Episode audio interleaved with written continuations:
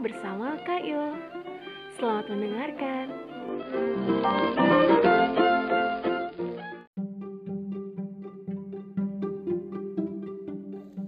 Hai, di podcast pertamaku kali ini, aku mau membacakan cerita Alkitab yang ditulis oleh Edward Hughes, diterjemahkan oleh Widya Stuti, dan diproduksi oleh Bible for Children.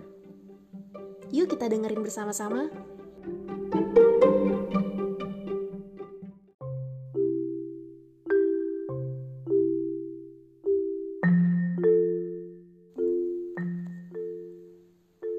Ketika Tuhan menciptakan segala sesuatu.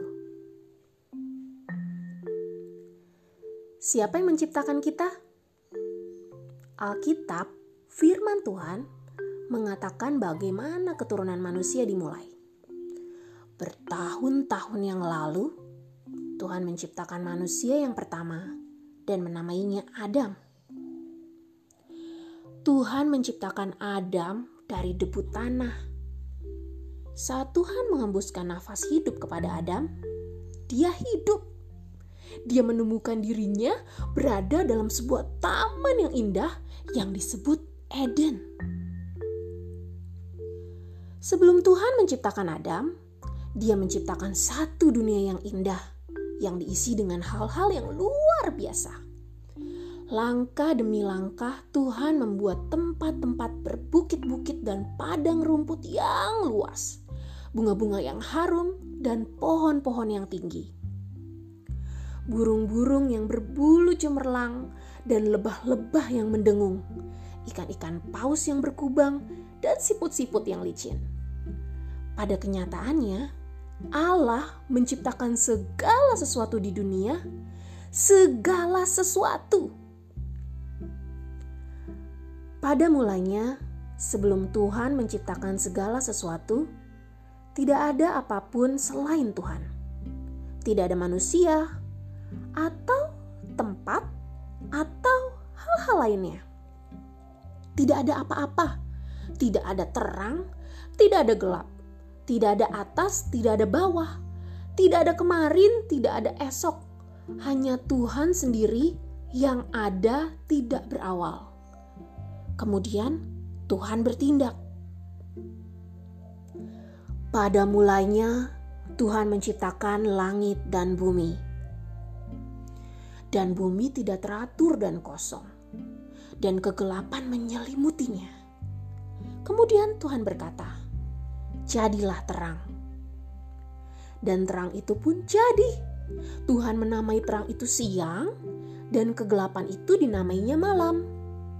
Jadilah malam, dan jadilah pagi. Itulah hari pertama. Pada hari kedua, Tuhan membawa air samudera, laut, dan danau-danau di bawah langit.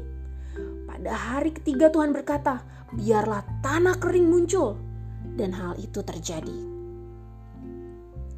Tuhan juga memerintahkan rumput-rumput dan bunga-bunga dan semak-semak dan pohon-pohon muncul. Jadilah malam dan jadilah pagi. Itulah hari ketiga. Kemudian Tuhan menciptakan matahari dan bulan dan banyak sekali bintang dan tidak ada seorang pun yang bisa menghitungnya. Makhluk-makhluk di laut dan ikan-ikan dan burung-burung merupakan daftar ciptaan Tuhan selanjutnya. Pada hari kelima, Tuhan menciptakan ikan todok dan ikan-ikan sarden yang kecil, burung-burung unta dan burung-burung kolibri yang kecil. Tuhan menciptakan setiap jenis ikan untuk memenuhi lautan dan setiap jenis burung untuk menikmati tanah, laut, dan langit. Jadilah malam dan jadilah pagi, itulah hari kelima. Sesudah itu, Tuhan berfirman kembali. Dia berkata, "Hendaklah bumi mengeluarkan segala makhluk yang hidup, setiap jenis binatang dan serangga, dan binatang melata, jadilah. Di sana, di bumi, gajah-gajah yang menggoncangkan dan berang-berang yang sibuk. Monyet-monyet yang nakal dan buaya-buaya yang kikuk. Cacing yang menggeliat-liat dan tupai yang berwajah tembem. jerapah yang kurus, canggung, dan kucing yang mendengkur. Setiap jenis binatang diciptakan pada hari itu. Jadilah malam dan jadilah pagi. Itulah hari keenam. Tuhan melakukan hal-hal yang lain pada hari keenam, sesuatu yang sangat istimewa. Sekarang, segala sesuatu siap untuk manusia. Ada makanan di ladang dan binatang-binatang untuk melayaninya. Dan Tuhan berkata, Baiklah kita menjadikan manusia menurut gambar dan rupa kita, supaya mereka berkuasa atas ikan-ikan di laut dan burung-burung di udara dan atas ternak-ternak dan atas seluruh bumi dan segala binatang melata yang merayap di bumi. Maka Allah menciptakan manusia itu menurut gambar dan rupanya. Menurut gambar Allah diciptakannya dia.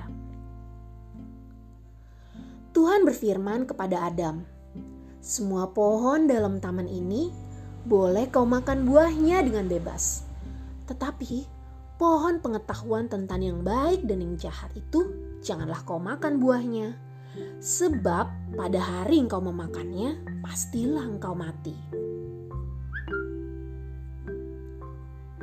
Dan Tuhan Allah berfirman, "Tidak baik kalau manusia itu seorang diri saja." tidak aku akan menjadikan penolong baginya yang sepadan dengan dia. Tuhan membawa semua burung dan semua binatang di hutan kepada Adam. Dan Adam menamai mereka semua. Dia pastilah sangat pandai sehingga bisa melakukannya. Tetapi di antara semua burung dan binatang itu, tidak ada yang sepadan dengan Adam. Tuhan membuat Adam tidur tidur yang sangat nyenyak. Tuhan mengambil sebuah tulang rusuk Adam dan membuat seorang perempuan dari tulang iga Adam. Perempuan itu diciptakan sebagai penolong yang sangat cocok untuk Adam.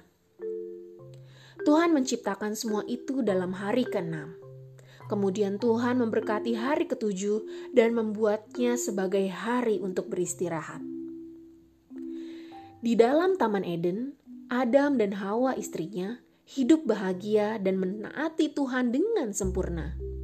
Tuhan adalah Allah mereka, penyedia mereka, dan sahabat mereka.